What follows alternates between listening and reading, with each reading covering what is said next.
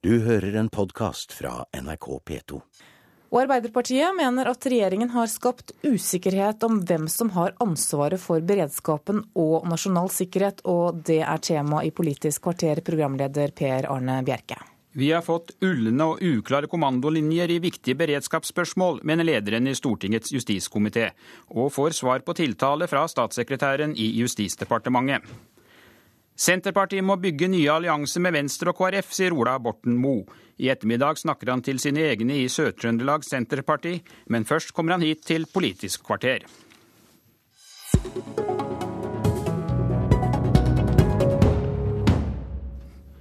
Bedre beredskap var en av de store sakene for Høyre og Fremskrittspartiet før valget. Men som vi har hørt i nyhetene tidligere i morges, er ikke du videre imponert over hva som har skjedd så langt? Leder i Stortingets justiskomité Hadia Tajik fra Arbeiderpartiet. Du hevder at vi har fått ulne kommandolinjer og uklarhet om hvor ansvaret for beredskapen egentlig ligger. Hvordan begrunner du det? Statsministeren har eh, skapt uklarhet omkring dette gang på gang. I arbeidet etter Gjørv-kommisjonen fikk man høre at det skulle være på plass en eh, sikkerhetsrådgiver på statsministerens kontor hvis eh, Erna Solberg ble statsminister. Senere fikk vi høre at det skulle være et permanent organ på høyeste nivå.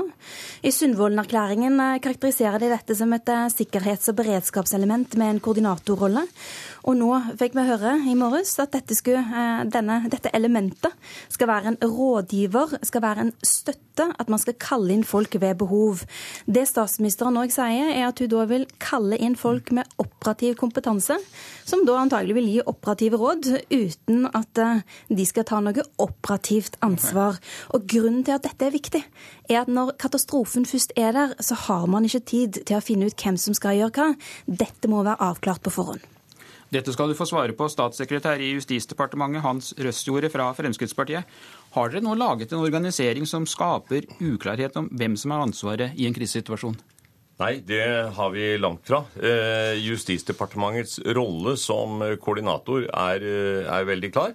Det vi er glad for, det er at vi har en statsminister som har eh, viet spesiell interesse for beredskapsarbeidet. Hvilket også er naturlig, men det er en betydelig støtte for Justisdepartementet i sin rolle i forbindelse med utfordringer knyttet til beredskap.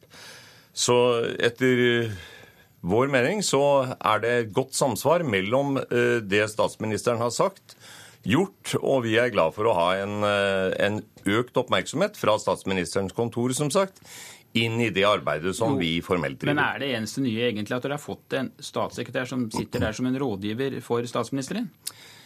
Ansvarsforholdene som Justisdepartementet har hatt, de ligger fast som et koordinerende departement i forhold til de øvrige departementene, og også innenfor den linjen som Justisdepartementet faglig skal følge. Jeg tror vi må rydde litt her.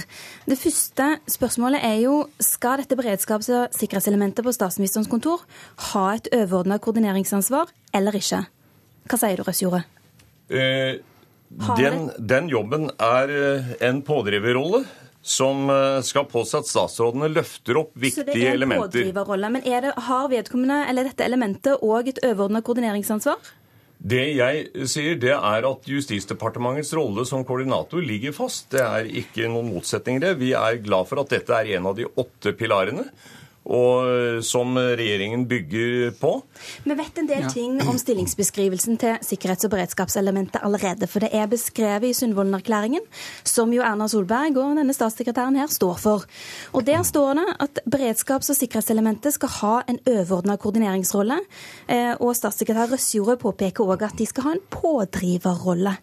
Dette står i Sundvolden-erklæringen samtidig som man har en klar instruks vedtatt av Kongen i statsråd fra 2012 som gir Justisdepartementet akkurat det samme ansvaret. Det betyr at det er to personer i to ulike organer som har akkurat samme stillingsbeskrivelsen. Det skaper uklarhet. Ja, er ikke dette litt uklart, Nei, det er... I valgkampen var det jo veldig mye fokus på dette. og Både dere og Høyre var opptatt av at beredskapen var ikke godt nok koordinert, og skulle dere komme og rydde opp. Rydde opp. Men har dere egentlig gjort det?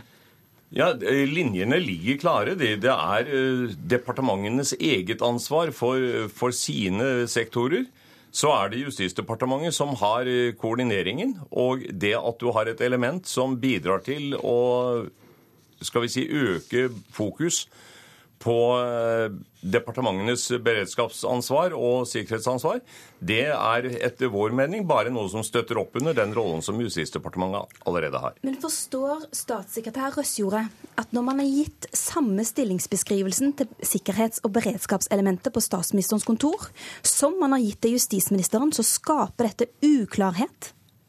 Det er mulig at det virker uklart for eh, Arbeiderpartiet, men eh, det er altså ingen endring, som jeg har sagt, når det gjelder kommandoforholdene. Tajik, er ikke dette veldig formalistisk det du driver med? For er ikke det viktigste for folk flest hvordan fungerer egentlig beredskapen vår? Og er den svekket, eller er det noe annerledes nå i forhold til når dere satt med makten?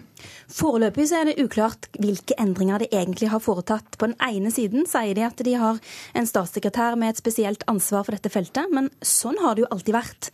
Så det som er interessant å finne ut, er hvordan er det sikkerhets- og beredskapselementet skal bidra til å klargjøre og løfte ansvar og koordinere og være en pådriver uten å gå i føttene på justisministeren. Fordi når det er en katastrofe der, når ting skjer, så må disse tingene være helt klare, helt tydelige. Og det må heller ikke bli sånn at man på den ene siden sier at det er justisministeren som er konstitusjonelt ansvarlig, samtidig som man reelt sett forskyver makten, forskyver ansvaret til statsministerens kontor, som får ja. operative råd og kan eh, ja, være en pådriver på det området uten demokratisk kontroll. Jeg opplever at viljen til å misforstå er betydelig betydelig større enn viljen til å forstå. Og det ligger vel kanskje til grunn. Som jeg har sagt, eh, ansvarsforholdene ligger der. Og det er en pådriverfunksjon, som jeg sa. Det å identifisere behov for styrket og bedre beredskapsarbeidet på alle samfunnsområder er en rolle som faller inn i dette. Men Røse, for å spørre deg, for Det manglet jo ikke på kritikk fra dere etter at Gjørv-kommisjonen kom med sin rapport. Og Nestlederen din, Per Sandberg, han sa i mars i fjor at dersom Frp hadde sittet i regjering, ville beredskapen vært på et forsvarlig nivå for flere år siden. Nå sitter dere altså i regjering, og har dere gjort endringer som gjør at beredskapen nå er på et forsvarlig nivå? For dere mente jo at den ikke var forsvarlig tidligere. Ja, vi har, eh, altså Kommandolinjene som jeg har sagt, de ligger fast. Beredskapstroppen, for å ta den, den er styrket med 13 nye stillinger. Det etableres et nasjonalt kontaktpunkt. Eh, for bombekjemikalier i Kripos, og det skal også etableres egen database for bombekjemikalier, som tollvesen, DSB og øvrige politi får adgang til. PST er styrket med 10 millioner kroner. Vi har gjort det sivile situasjonssenteret i Justis- og beredskapsdepartementet eh, døgnbemannet. Sivilforsvaret er styrket med over 5 millioner kroner. Hovedredningssentralen er styrket med 9 millioner kroner. Ja. Og vi har undertegnet kontrakt for nye helikoptre. Altså, jeg kan fortsette listen ja. også når det gjelder ting vi, vi, har under arbeidet. Er det beroliget, Hadia Tajik? Nei, tvert imot. Jeg er enda mer bekymra. Fordi det virker ikke engang som statssekretær Røsjordet tar inn over seg at det er et problem når man gir et element på statsministerens kontor samme stillingsbeskrivelsen som man har gitt justisministeren. Det må være, altså, Hvis to ulike personer skal koordinere det samme og være på pådriver for det samme, så skaper man uklarhet. Det var akkurat det Gjørv-kommisjonen påpekte at man måtte unngå. Som den forrige regjeringen skapte klarhet i ved å gi en instruks til Justis- og beredskapsdepartementet om at det er de som er koordinatorer, det er de som er pådrivere, og det er dette ja. de nå surrer til. Veldig korte slutter, Og det er også den samme retningslinjen som vi følger, og det er den samme kongelige resten vi forholder oss til. Men da er det jo ingen endring. Nei, men det er en stor okay. fordel at vi har en statsminister som dere, har et apparat som kan bidra til. For å fortsette debatten på gangen, takk skal dere ha, Hadia Tajik og Hans Røsjorde.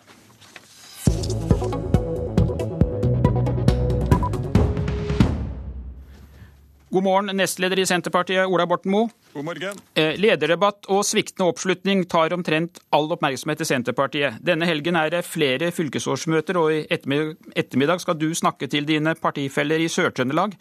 Hva mener du må gjøres for å få partiet opp av gjørma? Nei, Vi trenger å fokusere på politikk fremover, og det er også det som jeg bruker, tenker å bruke mye tid på til vårt fylkesårsmøte. Det kommer utelukkende til å handle om politikk. Vi kjemper nå for å sikre et likt tjenestetilbud over hele landet på basale ting som skole og helse, selvsagt, men også på det man snakka om tidligere her på, eh, i, i sendinga, altså beredskap.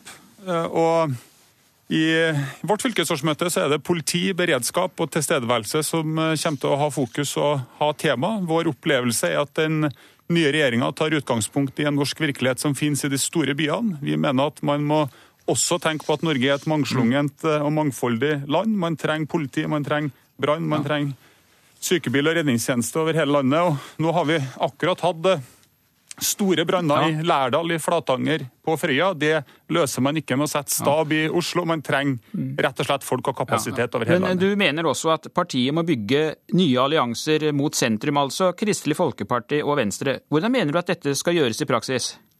Ja, Nå er vi jo i opposisjon, Senterpartiet i opposisjon. Vi gikk til valg på et eh, fortsatt rød-grønt eh, regjeringssamarbeid. Vi tapte det valget. Eh, nå er det først og fremst viktig for Senterpartiet å konsentrere seg om egen politikk, eget prosjekt.